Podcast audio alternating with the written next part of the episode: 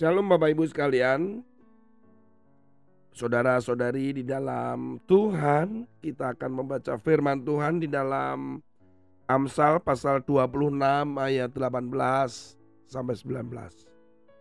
Seperti orang gila menembakkan panah api, panah dan maut, demikianlah orang yang memperdaya sesamanya dan berkata, Aku hanya bersenda gurau. Saudara kadang kita itu melakukan atau ketika berinteraksi dengan orang kita bersenda gurau, tertawa. Kemudian kita bisa saja tertawa tetapi orang lain bisa saja sakit karena candaan. Indonesia ini dengan apa yang terjadi dengan parodi, dengan candaan ya. Ada satu fase-fase di mana dari zaman saya ketika melihat lawak ya, zaman saya ini kalau melihat televisi lawak itu Sri Mulat, kemudian apa itu?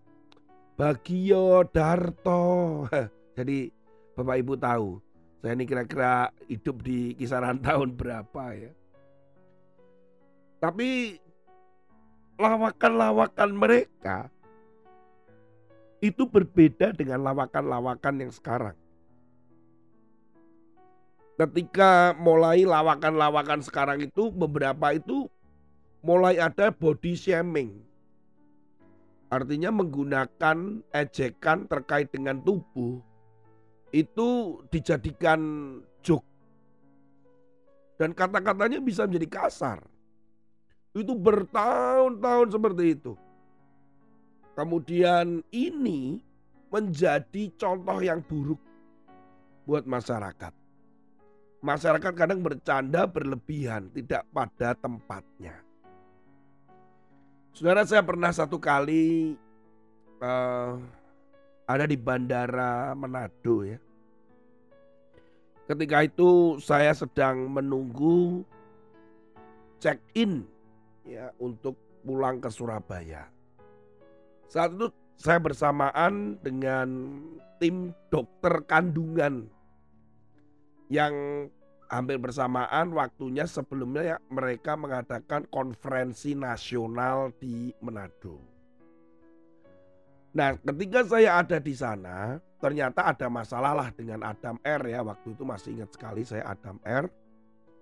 Bahwa rombongan dokter kandungan termasuk saya tiba-tiba tidak bisa check in. Karena menurut informasi pesawatnya sudah penuh. Kan aneh ya. Kami memiliki tiket resmi mau check in tidak bisa dan ternyata penuh pesawatnya. Mereka minta maaf lah bla bla bla menerangkan beginilah nah.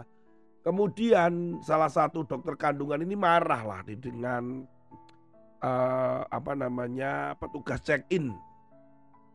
Nah ketika marah itu saya mencoba untuk meredakannya itu dengan candaan. Saya tepatnya lupa ya candaan saya apa tapi maksud saya itu karena terkait dengan fasilitas lah. Kalau nggak salah saya berkata gini, wah enak dong jadi tinggal di Manado semalam lagi gitu. Kayak gitu-gitulah ya celetukan yang saya pikir bahwa itu akan meredakan kemarahan pada si dokter. Tapi apa yang terjadi membuat saya terkejut.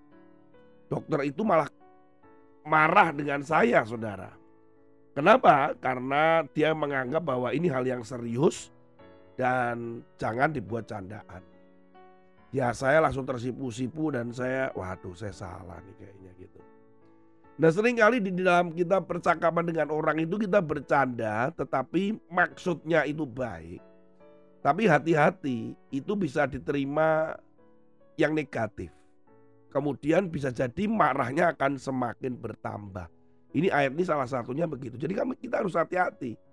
Lihat kondisi kemudian kita malah bercanda. Nah, itu malah menyulut tuh kemarahan dan ke kekacauan dan kericuhan yang terjadi. Firman Tuhan yang terambil di dalam Efesus pasal 5 ayat yang keempat. Demikian juga perkataan yang kotor, yang kosong atau sembrono. Karena hal-hal ini tidak pantas. Tetapi sebaliknya ucapkanlah syukur. Di dalam versi King James dikatakan bahwa gurauan yang tidak pantas atau candaan yang tidak pantas. Bukan berarti kita tidak boleh bercanda loh saudara ya. Saya sih suka bercanda, saya ini uh, selalu melihat bahwa suasana itu harus dibangun, suasana itu harus ada suasana yang baiklah di uh, lingkungan atau apa pun yang saat ini kita berada gitu. Jadi kami kadang bercanda, kadang kami cuk, tetapi harus hati-hati. Kenapa? Karena kata-kata humor atau candaan kita itu bisa menyakiti orang. Sudah kekasih dalam Tuhan, ayo kita harus jaga mulut kita, jaga. Tapi kita harus tetap membawa damai ya dan sukacita. Tapi kita harus jaga, jangan uh, bergurau berlebihan. Jangan istilah sekarang itu ngeprank gitu ya, ngeprank tapi membuat celaka.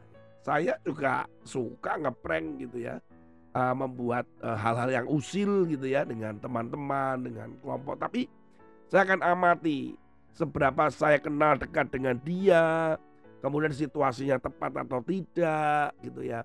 Mencelakai dia atau tidak. Jadi banyaklah pertimbangan sebelum kita jauh-jauh hari untuk melakukan prank atau tindakan usil. Maksud kita bercanda. Tetapi tetap harus hati-hati ya. Candaan kita jangan sampai itu menyakiti atau melukai orang lain. Tuhan Yesus memberkati saudara dan tetaplah ucapkan firman yang menghibur, menguatkan, dan membawa damai sejahtera. Amin.